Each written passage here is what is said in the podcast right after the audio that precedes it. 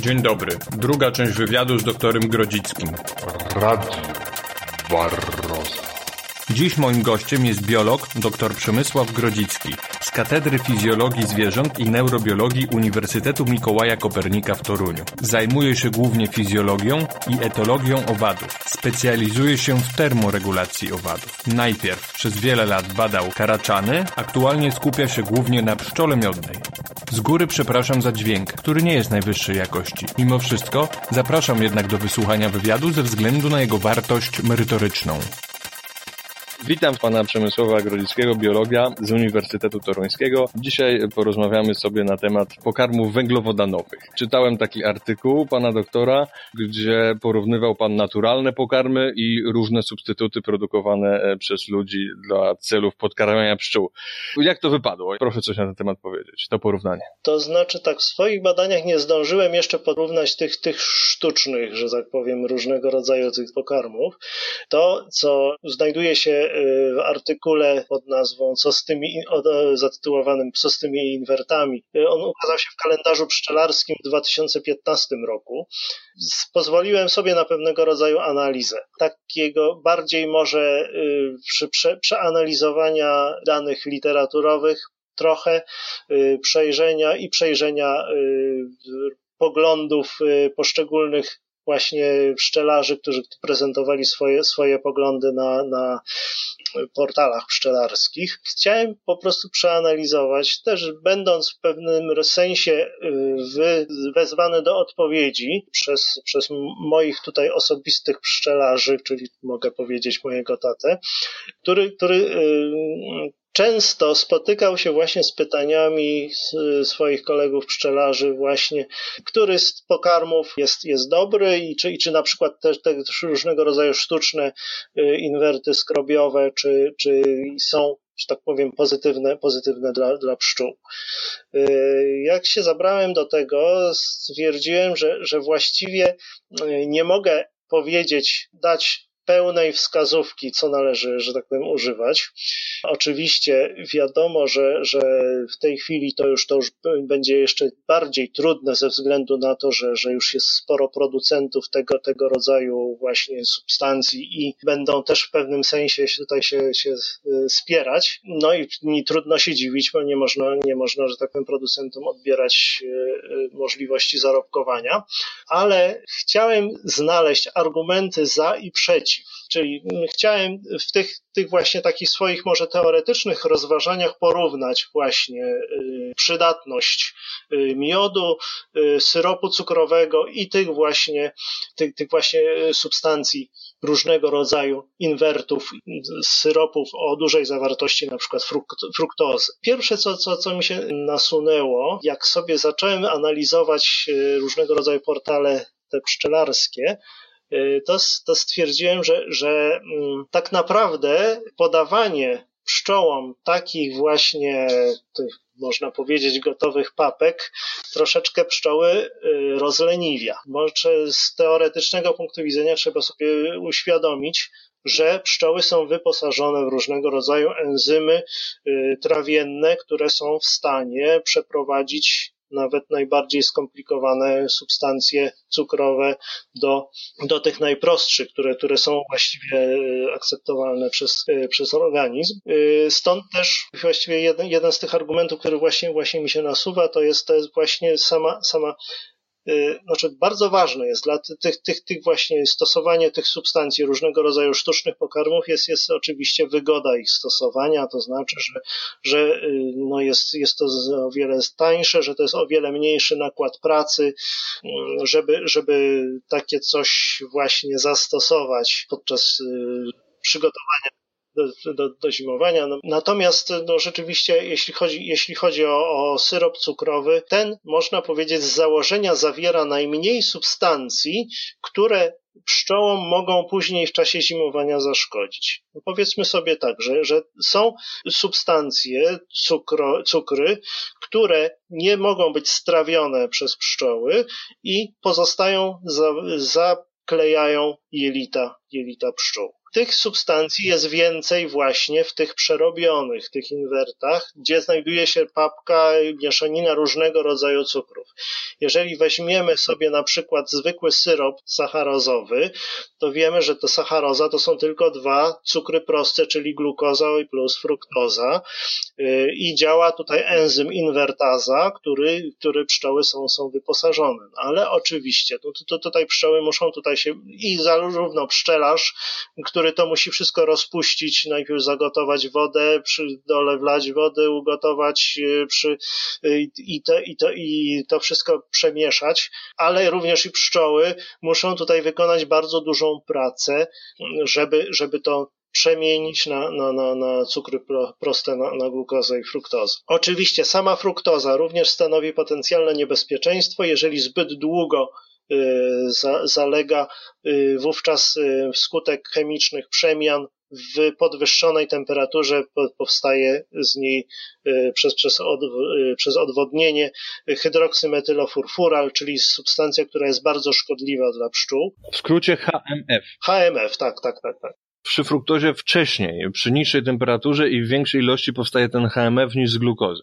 Z tego, co się orientuje. Tak, no właściwie, właściwie, właściwie bo y, substratem tej reakcji jest praktycznie fruktoza. W środowisku kwaśnym bodajże i, i bardzo, i bardzo i w podwyższonej temperaturze y, następuje ta przemiana właśnie y, fruktozy w, w, w. Nie przechowujemy inwertów w jakimś nagrzanym, blaszanym pomieszczeniu. Czyli nie przechowujemy w nagrzanym pomieszczeniu w żadnym wypadku, nie przechowujemy zbyt długo w żadnym wypadku. Jeżeli jest to świeże, oczywiście jak najbardziej y, no, zgadzam się, chociaż to są, to są właśnie jeszcze te dodatkowe, że tak powiem, y, sprawy, że poistnieje taki pogląd, że, że w tym momencie jakby nadmiernie rozleniwiamy pszczoły, że one w tym momencie mają już przetworzone te wszystkie substancje, tylko mogą je sobie pobrać do, do komórek i, że tak powiem, utrzymać jako, materi jako materiał zapasowy, czyli te pszczoły się, się nie napracują. W czasie zimy nie będzie, że tak powiem, zimowało to nowe pokolenie pszczół, tak zwanych długo żyjących, te, które zawierają duże ilości glikogenu i znaczy mają w, w ciele tłuszczowym duże ilości glikogenu i mają sporo y, białka, tak zwanej witelogeniny. Te długo żyjące, one nie będą, nie będą żyły, tylko te, które nie zdążyły um wymrzeć, bo, bo zwykle w sposób naturalny to odbywało się w taki sposób, że, że, że, że jakby, że te, które przetwarzały syrop, to one prawie wszystkie ginęły i powstawało kolejne pokolenie pszczół, które dopiero zimowało. Stąd też te właśnie, te, te, te które przeżyły, one po prostu w osypie zimowym pozostaną, czyli zaczopują wnętrze do, do gniazda, powiedzmy sobie, czyli utrudnią oddychanie całego gniazda i no wiadomo, że nie, nie, jest, nie jest dobrze, jeżeli y, mamy otwartą znaczy otwarty grobowiec w środku mieszkania swojego. Czyli jednak lepiej, lepiej jakby tych pszczół nie było po prostu. Żeby osyp był możliwie mały, tak? Tak jest lepiej. No, żeby ten osyp był możliwie mały, znaczy wynikający oczywiście z naturalnych przyczyn, ale, ale jednak to, to, to w pewien, tym, pewnym sensie może właśnie się również przyczynić do dalszego wymierania takiej rodziny, powiedzmy sobie. Oczywiście względy praktyczne y, mówi się, mówi się też o, o tak zwanych późnych pożytkach, że, że można, jeżeli się stosuje te tak zwane inwerty, to znaczy, że ten sam proces zimowania następuje znacznie później. Że można później zakarmić pszczoły. Można później zakarmić pszczoły, że, że, że można doprowadzić właśnie do, do, do póź, póź, tych późnych pożytków. To oczywiście jest, jest pewnie prawda i oczywiście na pewno na, na tym mogliby bazować ci, ci pszczelarze, którzy, którzy chcą na przykład pobierać miód yy, wrzosowy czy spadziowy na przykład, tak? Natomiast w takich warunkach, kiedy, tak jak na przykład w naszych okolicach tutaj, kiedy właściwie ostatnim pożytkiem, który cokolwiek daje, jest lipa, a później już właściwie następuje, następuje bardzo, że tak powiem, okres całkowicie całkowitej pustyni, całkowitego głodu. W tym momencie to, to, to, to zazimowanie by trzeba było zaczynać znacznie wcześniej mimo wszystko. Ten brak pożytku, można powiedzieć, jest też związany ze sposobem, jaki, jakim traktujemy y, ogólnie rzecz wziąwszy naszą, naszą naturę. to znaczy niszcząc wszelkiego rodzaju kwitnące miejsca, jakie występują, a pozostawiając tylko gołe monokultury. E, czy, czy, czy, tylko rzepak powiedzmy, czy tylko jakieś właśnie takie pola, pola, na których pszczoły, no oczywiście w tym momencie, kiedy, kiedy jest to kwitnie krótko, dosyć stosunkowo krótko, a, a jednak y, mogło, mogłoby, że tak powiem, być większa różnorodność różnego rodzaju kwiatów. No, na przykład zanik praktycznie mniszek lekarski. Kiedyś ten miód mniszkowy wydaje mi się, żeby chyba był, y, że tak powiem, z bardziej znany. Nie wiem, czy w tej chwili się, się w ogóle taki produkuje. No, w mojej okolicy jest dosyć sporo akurat mniszka. No by, bywa miód mniszkowy, ale mhm. fakt, że trzeba mieć pewne umiejętności pszczelarskie, żeby go zebrać. Znaczy, bo, bo to, to jest kwestia zebrania, ale przede wszystkim yy, tutaj mi chodzi o to, że, że tego mniszka na, nie ma teraz takich naturalnych łąk, które, które są porośnięte tym właśnie mniszkiem. Że w tej chwili właśnie yy, od razu wszystko, co, co, co zaczyna kwitnąć, to od razu się kosi yy, i, i, i właściwie nie ma tych takich kwiatów, które, które, które pszczoły mogłyby. To prawda. Modne są takie e, krótkie trawniki. Tutaj, tutaj postulowałbym w pewnym sensie, e, co, co zresztą robimy tutaj w, w, to, w towarzystwie takiej, takiej fundacji Leśna Droga, która, która znajduje się w okolicach Torunia. Będzie można podać link do, do na przykład strony internetowej tej fundacji. Będę się starał ten adres podać. To znaczy oni, oni, że tak powiem, starają się właśnie rozpropagować takie takie właśnie, żeby, żeby, żeby jak najlepsze środowisko dla pszczół było. Paradoksalnie w mieście pszczołom żyje się lepiej niż na wsi bo w mieście jednak występuje dużo nieciętych różnego rodzaju krzewów, kwitnących kwiatów, y, kwietników i tak dalej, na których pszczoły mogą sobie, że tak powiem, bardzo, bardzo dobrze, dobrze żyć. Na wsi to jednak jest gospodarka, ta intensywna gospodarka rolna, przy której, przy której nie ma miejsca na miedzę, nie ma miejsca na wolne, wolno żyjące, że tak powiem, takie zarośla y, różnego rodzaju. Na chwasty tak zwane. Takie paski takich tych rzeczy, jakieś czeremchy. Albo tych y, roślin łąkowych, które kiedyś były na przykład masowo występowały jako chwasty na polu. Tego właśnie jak najbardziej brakuje. Ale przepraszam, odbiegłem bardzo od tematu.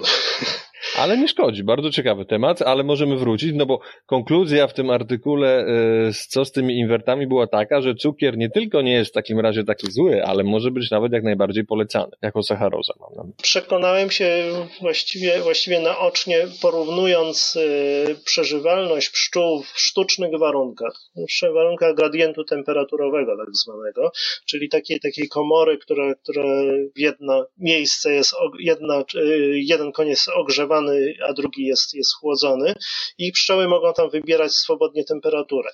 Y, już pierwsze, że w warunkach gradientu temperaturowego, kiedy ten wybór temperatury jest swobodny, pszczoły żyły dłużej w warunkach sztucznych niż, niż chociażby w ciepłym laboratorium, y, ale to, to jest jedno. Ale po drugie, właśnie, że pszczoły karmione syropem cukrowym przeżywały znacznie dłużej niż pszczoły karmione miodem chociażby. No dlaczego? Miód taki, że tak powiem, naturalny materiał zapasowy, ale jednak zawiera różnego rodzaju substancje, które mogą w jelicie zalegać. Tutaj jest kwestia chyba właśnie taka, taka że, że mm, no te pszczoły po prostu się za, zapychają i one już nie są w stanie w tym momencie. Tak I to w zimowli jest ważne, tak? O to chodzi. Tak, znaczy ja tutaj pozwalam sobie na daleko idące uproszczenie, porównując warunki gradientu temperaturowego do zimowli, ale w pewnym sensie tutaj mi się troszeczkę potwierdziło ta sytuacja. Są to też są to e, pszczoły, co prawda te z tej grupy bardziej krócej żyjących, czyli tych, tych letnich pszczół, akurat badane w gradiencie termicznym, ale y, ten czas życia rzeczywiście przy karmieniu y, syropem cukrowym był znacznie dłuższy niż, niż przy, u pszczół karmionych miodem. Czyli to by podważało trochę, bo jest taka teoria właśnie e, pszczelarska, jedna z wielu, że e, inwert dlatego, że cukier, sacharoza spracowuje pszczoły. A tutaj wychodzi, że no niekoniecznie, że mogą nawet e, dosyć długo żyć. No, że, że jednak dłu, dłu, żyją. Znaczy, spracowuje pszczoły, znaczy tutaj akurat nie ma takiej możliwości, żeby, żeby, żeby następowało gromadzenie materiałów zapasowych. Ta, ta, ta, ta sacharoza, ona, że tak powiem, roztwór sacharozy y, służył im wyłącznie jako, jako materiał pokarmowy.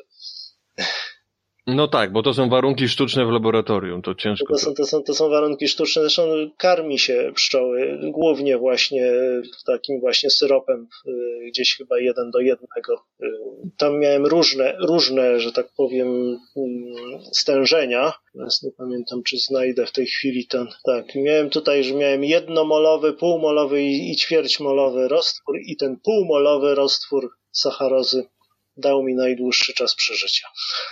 Najdłuższy e, w porównaniu z inwertami i miodem, tak? Porównaniu, znaczy niestety tutaj inwerty nie były jeszcze wzięte pod, pod uwagę. Także to jest, to jest kwestia dalszych badań moich, powiedzmy, które ewentualnie chciałbym dalej kontynuować. Jest to wstęp do dalszych badań? Aha, no to ciekawe, tutaj tak wyszło, że, że sacharoza jest korzystna. Dlatego nie ma co się obawiać, jeżeli karmimy odpowiednio wcześniej, aby podawać syrop y, odpowiednio gęsty y, sacharozy, tak? No tak, że, że, że, że powiedzmy spracujemy to przedostatnie pokolenie pszczół w kolei. Można w ten sposób powiedzieć Z punktu widzenia e, samego cukru, to w sumie jest to bardziej podobne do nektaru, dlatego że głównym cukrem nektaru nieprzerobionego jest sacharoza, z tego co patrzyłem.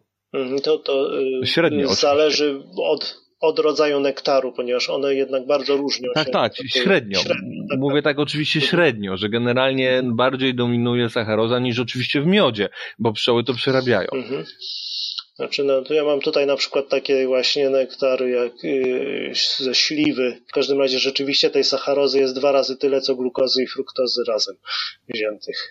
No tak, tak powiedziałem średnio, bo faktycznie są, są różne wyjątkowe nektary, to prawda. Są też takie nektary, które są na przykład wyjątkowo gęste. Tak. Mhm. Mm, w porównaniu do innych. Tak, czy, czy te, te, które bardzo szybko się scukrzają, chociażby te, które te zawierają duże, dużo ilości właśnie tych cukrów, yy, na przykład od rzepak, prawda? Też, też właśnie tak bardzo szybko się, się scukrza. Czyli jaka jest konkluzja tego artykułu? Taka jedno, dwuzdaniowa? I tych e, badań, które są przyczynkiem do, do przyszłych pana badań. Tak, że warto, warto zwrócić uwagę na to, co pszczołom, że tak powiem, zostawiamy, e, że warto zwrócić uwagę na to, że, czy długotrwałe przechowywanie na przykład pokarmów cukrowych nie szkodzi, nie szkodzi im ich jakości, bo, bo, bo na przykład w zbyt wysokiej temperaturze nastąpi, jest to ryzyko zwiększenia toksycznego działania substancji na, na tych, tych właśnie substancji na pszczoły. I to jest naukowe potwierdzone, dowiedzione badaniami. To już jest dowiedzione badaniami, tak. Znaczy każdy, każdy z tych pokarmów oczywiście ma swoje wady i zalety. Znaczy, no, miód jest idealnym pokarmem dla pszczół, ale, ale znaczy poza tym, że, że właśnie zawiera różnego rodzaju te, te właśnie cukry, które są niestrawialne dla pszczół, to oczywiście też, też stanowi pewnego rodzaju ryzyko rozprzestrzenienia się pasożytów czy, czy drobnoustrojów chorobotwórczych. Jeśli chodzi o, o na przykład wady stosowania cukru spożywczego, no to poza tym, że, że, że też nie jest wiadomo z jakiego źródła je uzyskujemy go i często, często jest, jest w pewnym sensie jeszcze zanieczyszczone różnymi innymi substancjami, ale przede wszystkim podstawową wadą jest, jest, jest olbrzymi wkład pracy włożony w przygotowanie takiego syropu, no i jego tendencja do krystalizowania i, i fermentacji. Jeśli chodzi o, o, syropy cukrowe inwertowane, to to wiadomo, że będą to produkty co, bądź co bądź sztuczne, otrzymane metodami przemysłowymi, czyli tutaj jest, jest takie jak inwersja w podwyższonej temperaturze, w kwaśnym środowisku i to oczywiście też wiąże się z niebezpieczeństwem y, utworzenia się hydroksymetylofurfuralu y, fruktozy. Y, poza tym też niebezpieczeństwo, ponieważ tam, żeby ta reakcja mogła nastąpić, musi być na przykład stosowany, chociaż w tej chwili to, to już robi się enzymatycznie, ale jeżeli było w sposób chemiczny przeprowadzana ta reakcja, to, to trzeba było jeszcze zasolić y, chlorkiem sodu, czyli solą kuchenną. Oczywiście zawartość fruktozy tych właśnie syropach jest, jest, jest y, zróżnicowana. Mm, tak, a jeśli, jeśli chodzi o, o, o zalety, to jest właśnie, że jest to tanie i dostępne, wygodne źródło cukrów o składzie podobnym do składu miodu. Y, tylko oczywiście y, zawiera sporo mm, tych właśnie cukrów, które nie są w ogóle pobierane to znaczy duży procent takich, takich właśnie cukrów, które nie są pobierane przez pszczoły. Ponadto podejrzewa się też y, niektórzy, y, że mm, ten pokarm w ogóle nie jest pobierany przez pszczoły. Znaczy, że nie stanowi dla pszczół odpowiedniego, że tak takiego przyciągającego materiału, które mogłyby sobie, że tak powiem, pobrać i umieścić, y, że tak powiem, jako materiał zapasowy. Stąd też właśnie tym się tłumaczy ginięcie rodzin właśnie z tym, że, że, że, że ten pokarm nie jest pobierany. Chociaż z drugiej strony uważa się, że sama frukt, znaczy ponieważ zawiera duże ilości fruktozy, a tym, tym właśnie cukrem, który pszczoły przyciąga, to jest właśnie fruktoza, bo to jest ta słodycz właśnie. Znaczy, jak jemy sacharozę, to, to, to, że jest ona słodka, to zawdzięcza bardziej fruktozie niż glukozie, można powiedzieć. Czyli wniosek byłby taki, że, że chyba jednak pobierają, bo ze względu na to, że, że, że tak dużo jest tej, tej właśnie fruktozy. tak, tak więc każdy z tych, że tak powiem, pokarmów yy, ma swoje wady i zalety, no i tutaj od y, można powiedzieć potrzeb tego, co chcemy uzyskać, będzie zależało, który z nich który z nich będzie, będzie e, stosowany lepiej. Dlatego mówię, nie sugerowałbym nic, chociaż rzeczywiście w konkluzji do tego artykułu powiedziałem, że najlepszy, najlepszy był roztwór cukru spożywczego. Powiedziałem to jeszcze kiedyś raz na forum publicznym. Okazało się, że, że stałem na wprost e, producenta syropów inwertowanych. Postanowiłem jednak złagodzić swoje, że tak powiem, tutaj na ten temat poglądy. Mm, że y, mogę powiedzieć, że, że każdy z tych pokarmów może być stosowany, tylko że przy zastosowaniu odpowiednich środków no, ostrożności oczywiście.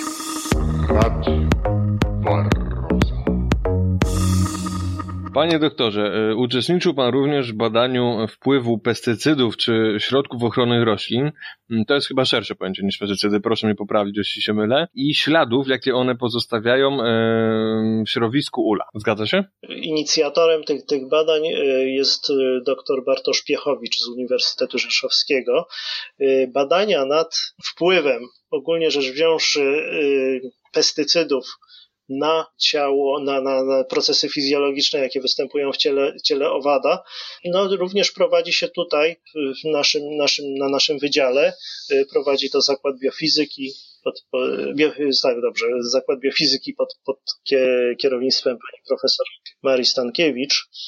Tutaj oprócz tego właśnie też prowadzi się pewnego rodzaju badania nad powiązaniem wpływu pola magnetycznego i działania pestycydów również. Ale może ja, ja tutaj wrócę, wrócę może do tych badań, z którymi bezpośrednio jestem związany, y, jeśli chodzi o, sam, o, same, o same pestycydy.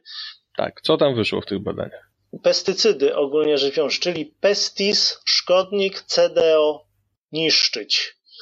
To są substancje, mm, czyli środki niszczące szkodniki. Tak? Substancje lub mieszaniny substancji wykazujące zdolność niszczenia, odstraszania lub hamowania rozwoju szkodników.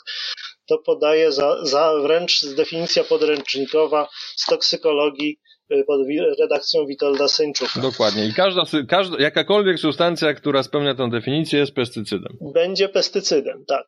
Czyli może to być zarówno czynniki fizyczne, chemiczne czy biologiczne, który, który będzie niszczył niepożądane formy y, roślinne, zwierzęce oraz y, mikroorganizmy.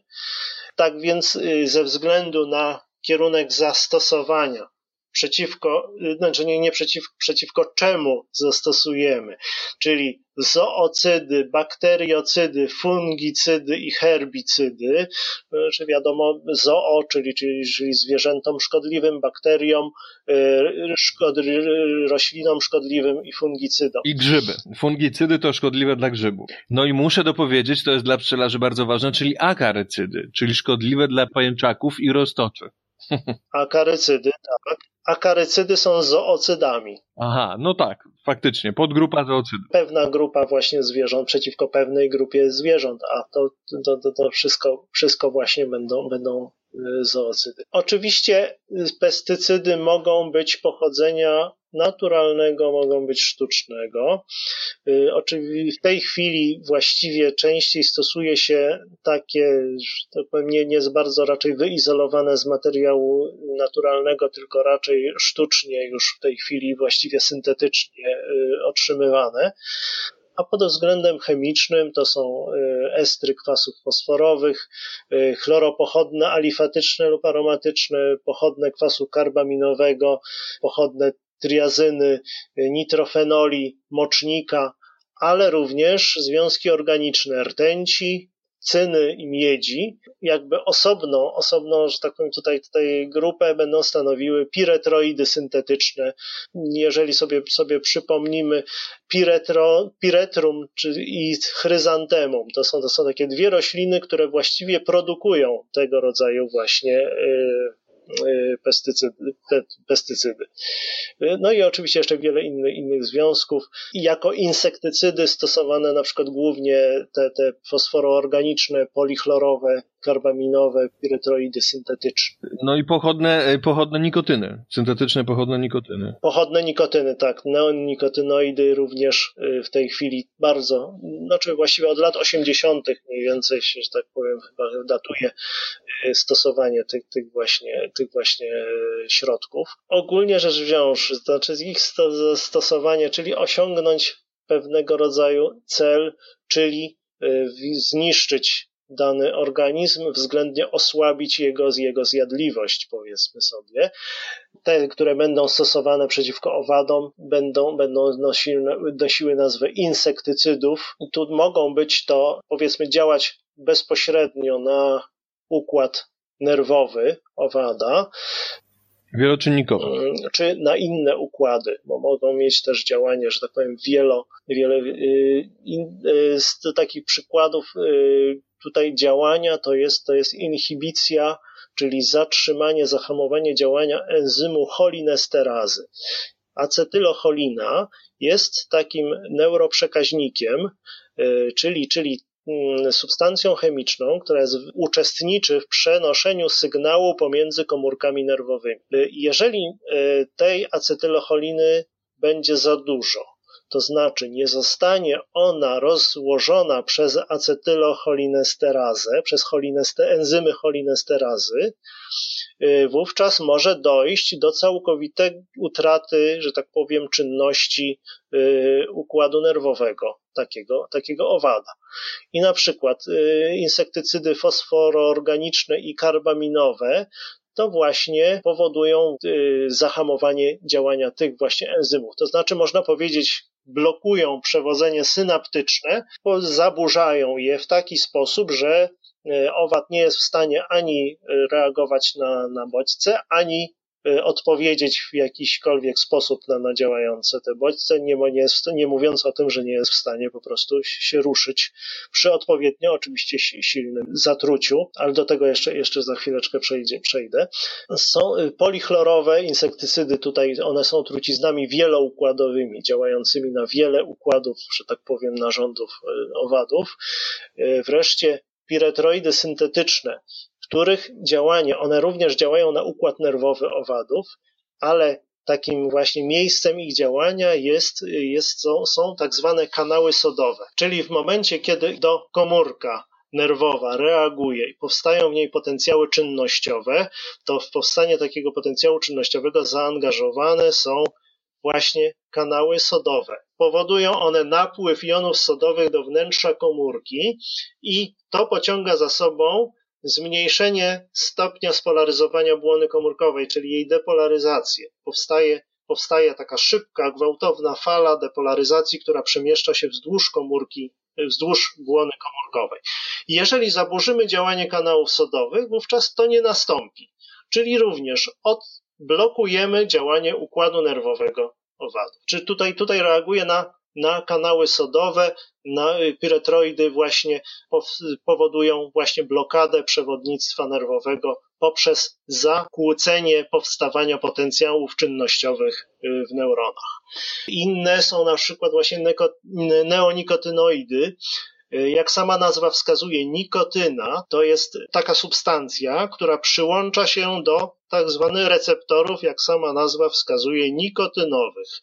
Receptory nikotynowe są z jedną z odmian receptorów cholinergicznych, czyli też te, które są wrażliwe na, na acetylocholinę. Jeżeli przyłączy się tam ta właśnie nikotyna, to acetylocholina już nie jest w stanie się do tego miejsca, powiedzmy, powiedzmy przyłączyć. Czyli, czyli yy, same te receptory działają właśnie symulując działanie nikotyny, czyli one po prostu blokują receptory acetylocholiny, a receptory acetylocholiny to jest właśnie, to są te receptory, które uczestniczą, nie wiem, przypominamy sobie, że, że mówiłem o acetylocholinie, o neuroprzekaźniku, który jest uwalniany w synapsach, tak? Czyli, czyli, że w tym momencie, jeżeli ta acetylocholina nie może połączyć się z receptorami w tak zwanej błonie postsynaptycznej, czyli w tym drugim neuronie, do którego sygnał jest przetransportowywany, wówczas oczywiście zablokowane jest całkowicie przewodnictwo, czyli nie ma możliwości odzwierciedlenia się właśnie tego fizjologicznego działania acetylocholiny, tylko receptory są zatkane po prostu, że one, one po prostu nie będą działały. Czyli nie ma fizjologicznego efektu, czyli znowu nie ma przewodnictwa synaptycznego. Czyli można powiedzieć, że większość właśnie z tych jest, jest właśnie skupiona na działaniu układu nerwowego. Czy można prostym e, słownictwem powiedzieć, że większość w takim razie tych pestycydów poraża jakoś układ nerwowy, znaczy nie, insektycydów poraża układ nerwowy owada? Tak, poraża układ nerwowy owada. Tak. No, stąd też najczęstsze skutki, jakie widzimy, to, to widzimy owada leżącego na plecach, y, niezbornie, że tak powiem, machającego nóżkami po prostu, tak? Także, także to, to, to, to najczęściej, najczęściej widziany objaw tak, gdzie porażenia takiego właśnie porażenia układu nerwowego. Jeżeli oczywiście no, w pewnym momencie to, to yy, zaburza całkowicie działanie całego organizmu i doprowadza do śmierci właściwie takiego organizmu, no co jest właściwie celem działania takiego pestycydu, bo, bo chodzi o pestis i CDO, czyli niszczyć po prostu. Są też, yy, tylko tutaj niestety nie wymienię z nazwy, yy, są też, też y, insektycydy, które, które mm, hamują procesy linienia, czyli działają w procesie rozwoju, już samego rozwoju osobniczego. Owad nie może wejść w kolejne stadium larwalne na przykład. Owad nie może wejść w postać imago, w postać dorosłą, tak? W tym momencie też nie jesteśmy w stanie, nie jest, nie jest w stanie, że tak powiem, przeżyć dalej. No tak, cel e, działania został spełniony, roślina e, na przykład została ochroniona. Roślina została ochroniona, tak. Co wyszło w tych badaniach? Jaki, jaki stopień wpływu na e, środowisko ulowe? Ogólnie rzecz wziąwszy, celem tych badań była, była no, można powiedzieć, daleko idąca ochrona pszczół yy, przed szkodliwym działaniem tych, tych właśnie substancji, ponieważ yy, pszczoły często właśnie padają ofiarą różnego rodzaju zabiegów tego typu, zabiegów y, stosujących właśnie różnego rodzaju substancje. I to nie tylko insektycydy, ale i również fungicydy i inne, inne substancje, które y, te właśnie z, z grupy całej, że tak powiem, pestycydów, które mogą doprowadzić do, do, zatrucia, do zatrucia pszczół. Znaczy tutaj nawet nie tylko do samego zatrucia. Można rozpatrywać tutaj kilka, kilka przyczyn. Chociażby sprawa zapachu. Y, jeżeli pszczoła wpadnie w chmurę takiego właśnie, takiej substancji, Y, i nie może, i, i, y, nawet jeśli nie jest zatruta, ale wróci do, wróci do ula, no to w tym momencie jakby staje się obca dla swoich towarzyszek, ponieważ to nie jest ten zapach. Ona nie przesiąkła zapachem gniazda, tych wszystkich substancji, które, które są znane pszczołom, tylko ma jakiś obcy chemiczny zapach, który jest jeszcze dodatkowo drażni. Stąd też taka pszczoła na przykład, i nawet jeśli udało jej się dotrzeć do ula, to y, jest, jest, jest z niego wypędzana. Po drugie, myślę, że powszechnie wiadomo, że pszczoły nie wracają, jeżeli czują, że umrą, to nie wracają do, do tego gniazda y, do, swoje, do wnętrza swojego gniazda, no ze, ze względów sanitarnych powiedzmy y, jakoś tak, tak, że tak powiem jest to urządzone, że, że one po prostu w tym momencie takie o złym samopoczuciu pszczoły pozostają na zewnątrz. Stąd też właśnie jest to no, zanikanie rodzin pszczelich. Y, gdzieś te pszczoły nikną, nie wiadomo gdzie, bo nie ma ich ani przed wylotkiem, tylko one po prostu pozostają w tych miejscach, gdzie są, y, nie, nie, nie wracają do, do wnętrza gniazda. I pozostaje tam tylko garstka robotnic i, i, i na przykład i tylko matka pszczela. Mhm. No, no i młodych, oczywiście, tak.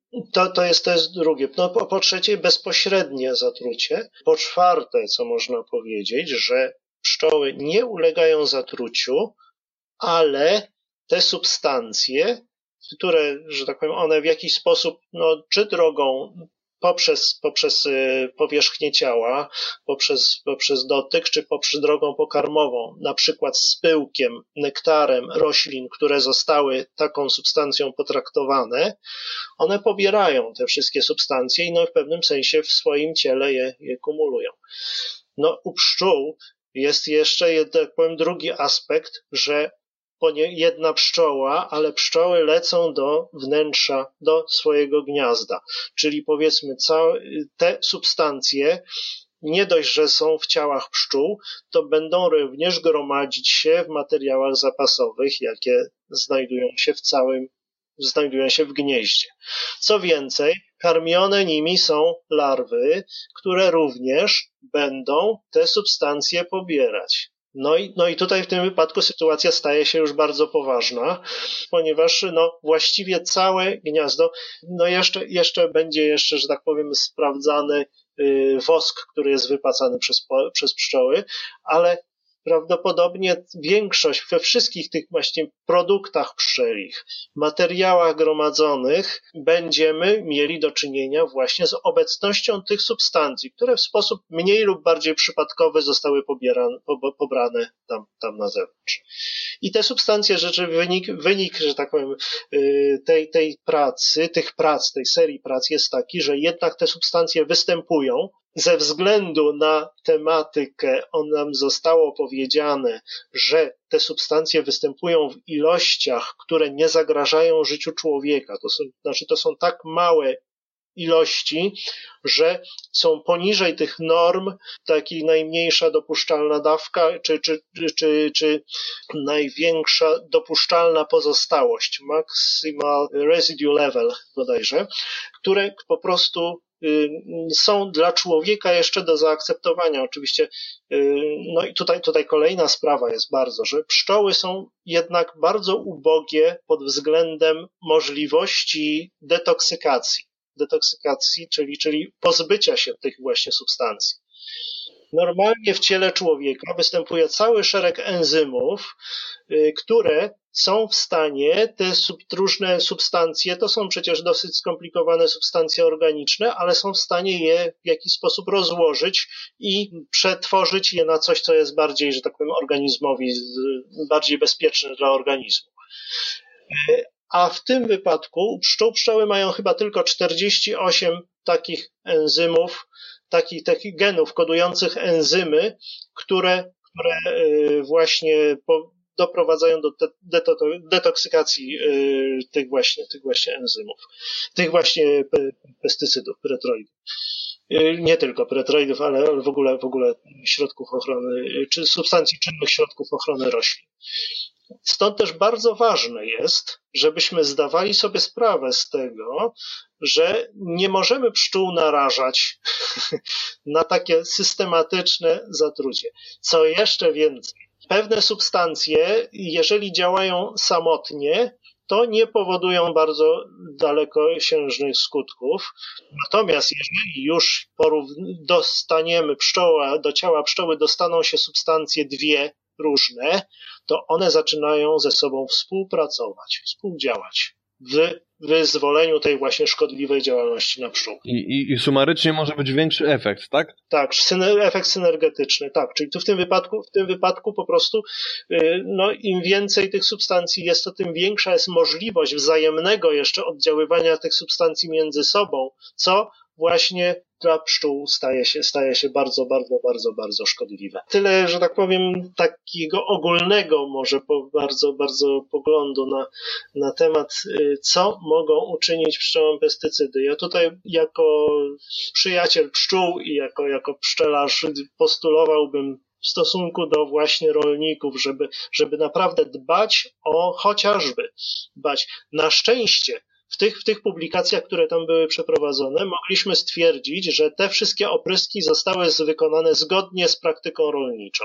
Y, czyli, że, że, że nie było możliwości, że na przykład, że ktoś na, na, nałożył tego, tego pestycydu, że tak powiem, jakieś zbyt duże ilości, które jeszcze dodatkowo by y, nasilały ten efekt.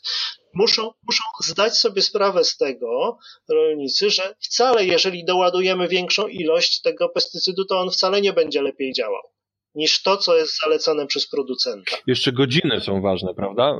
A po drugie, mm, no zachęcałbym też do tego, żeby, żeby właśnie namawiać tutaj okolicznych rolników, powiedzmy, żeby przede wszystkim informowali pszczelarzy o tym, że będą opryski, bo w tym momencie można w jakiś tam sposób jeszcze się zabezpieczyć.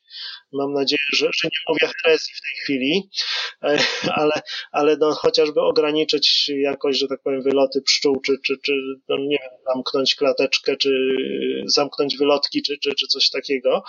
I żeby te opryski stosować w określonych czasach, czyli, czyli wtedy, kiedy nie ma oblotu pszczół, czyli to powiedzmy bardzo wczesnym ranem i bardzo, późną wieczy, bardzo późnym wieczorem na przykład. Także to, takie rzeczy bym, bym, mm, patrząc na to wszystko, co, co, co, co tutaj właśnie z tych badań wynika, to takie rzeczy bym, bym tutaj postulował ogólnie rzecz biorąc. I, I wydaje mi się, że też by przydała się e, edukacja środowiska rolniczego o roli ekologicznej pszczół. Tak, oczywiście. Znaczy, znaczenie, znaczeniu pszczół jako, jako zapylaczy. Przede wszystkim już myślę, że zdają sobie sprawę z tego osoby, które na przykład prowadzą sady, że jednak te pszczoły są, plony, jakie są y, z tych właśnie obszarów, y, tych, tych właśnie upraw, są bardzo uzależnione od zapylania przez, przez pszczoły. Zwłaszcza, że e, rolnicy często korzystają poza pszczołami miodnymi, jeśli, zwłaszcza jeśli chodzi o osady z murarek ogrodowych. Tak. Tak, tak, tak. No to, to, to, już, to już jest, jest kolej, kolejny rozdział, że, że, że mm, warto, warto zapewnić chyba tę bioróż, bioróżnorodność, znaczy pośród właśnie różnych, różnych pszczół. Ja spotkałem się z takim poglądem osobiście, że, że pszczoły to jednak lubią mieć bardzo duży obszar y, i taki powiedzmy bardziej bogaty pożytek, y, czyli zawierający dużą liczbę ptaków, y, kwiatów, przepraszam, a, a te, te dziko żyjące właśnie pszczołowate, one sobie wybierają właśnie bardziej te, te, te takie osobne, wolne, mniejsze, mniejsze zgromadzenia. Także mniej, no ale mogą, jeśli będzie odpowiednia ilość, ich ilość, to robić to bardzo efektywnie. Aha.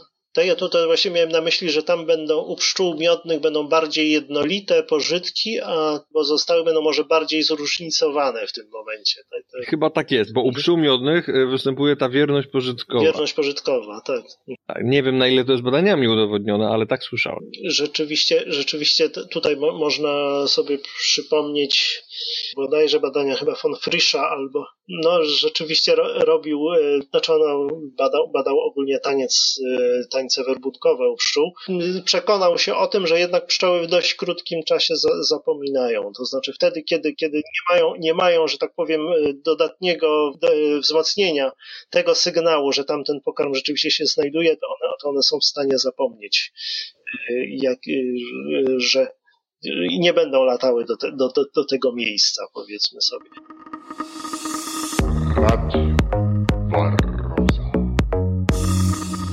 Panie doktorze, dziękuję za ogrom wiedzy i poświęcony czas. Wiem, że e, słuchał pan poprzedniego, czyli pierwszego odcinka. Co pan sądzi na temat tego odcinka i w ogóle tej e, idei, która, która mi przyświeca? Zacząłem to robić. E, ogólnie rzecz biorąc, wydaje mi się, że, że idea jako, jak, y, takiego właśnie y, przekazy, przekazywania wiedzy, ale również popularyzacji wiedzy na temat pszczół jest niezwykle istotna i tego, tego jest y, cały czas jednak brakuje. No, powstają, powstaje cały szereg różnego rodzaju idei, sposobów propagowania tej wiedzy y, na różny, różnych gruntach, ale, ale, że tak powiem, takim kanał, jaki tutaj, że tak powiem, się tworzy, myślę, że będzie bardzo, bardzo, bardzo dobrym narzędziem, żeby te pszczoły mm, ludziom przybliżyć w jak największym stopniu. I naprawdę, naprawdę warto, warta świeczki, naprawdę. Tak. I coś wspominał mi pan e, po prostu e, o tym odcinku, o, Bart, o projekcie Bartnicy Sudetów, który pan Tak, przesłuchał. rzeczywiście bar, bardzo interesująca wypowiedź na temat, na temat ogólnie mm, bartnictwa. Czym, czym ono w rzeczywistości jest? E, przyznam się szczerze, że ja e, tutaj e, z pomocą mojej, mojej koleżanki e, próbowaliśmy też właśnie, no między innymi dla Fundacji Leśna Droga, przygotowywać różnego rodzaju materiały dotyczące bartnictwa, to tak w tym wypadku moja, moja wiedza na temat tego właśnie bartnictwa znacznie się, się pogłębia. Czym, czym ono jest w istocie, pogłębia się znacznie, bo rzeczywiście można powiedzieć, byłem na etapie ręcznego dziania barci, znaczy w czysto teoretycznej formie oczywiście ręcznego dziania barci. Byłem świadkiem dziania barci co, za pomocą piły, tej, tej właśnie taki, takiego właśnie dłuta, y, bo, bo rzeczywiście na tych zajęciach, na których, których uczestniczyłem, do których dostarczaliśmy właśnie y, materiałów y, z panią doktor Katarzyną Piątkowską, to, to robiliśmy, robiliśmy takie właśnie, znaczy uczestniczyliśmy w tego typu właśnie zajęciach. Było tam właśnie wchodzenie na drzewo za pomocą leziwa. Dobrze powiedziałem? Nie jestem pewien, przepraszam. Tak, dobrze. Tutaj w okolicach Torunia też, no na razie nie w tysiącach, ale sztukach, list, y, nie kilka sztuk barci w najbliższych leśnictwach, tutaj okolicach Torunia, Gutowie i, i, i y, okolice Złej Wsi Wielkiej, tutaj w okolicach Torunia, też powstaną, zostały, jeżeli już zostały umieszczone albo niedługo zostaną umieszczone po prostu w lesie. Y, znaczy to oczywiście były, były już z martwych drzew pnie, y, które zostały wydziane. Będą, mam nadzieję, służyć y, pszczołom, które się tam osiedlą. Świetnie. Dobrze, panie doktorze, czyli zostawimy do fundacji, w której jest pan członkiem, w której pan działa, zostawimy w opisie kontakt internetowy. Jeśli ktoś będzie chciał więcej informacji, to będzie mógł sobie zajrzeć i też Pana stronę e, uniwersytecką. Dobrze, oczywiście. Dziękuję bardzo za poświęcony czas. E, kłaniam się. Do widzenia. Bardzo serdecznie dziękuję. Koniecznie zajrzyj na stronę www.waroza.pl. Tam możesz zasubskrybować, a później słuchać audycji na różnych aplikacjach na telefonie. Jeżeli spodobał się Tobie ten odcinek, to proszę, daj lajka, daj suba lub wystaw pozytywny komentarz. Dzięki temu dowiedzą się o tym także inni, ale dzięki temu również ja mam motywację, żeby podcast trwał i rozwijał się dalej. Radio Barroza.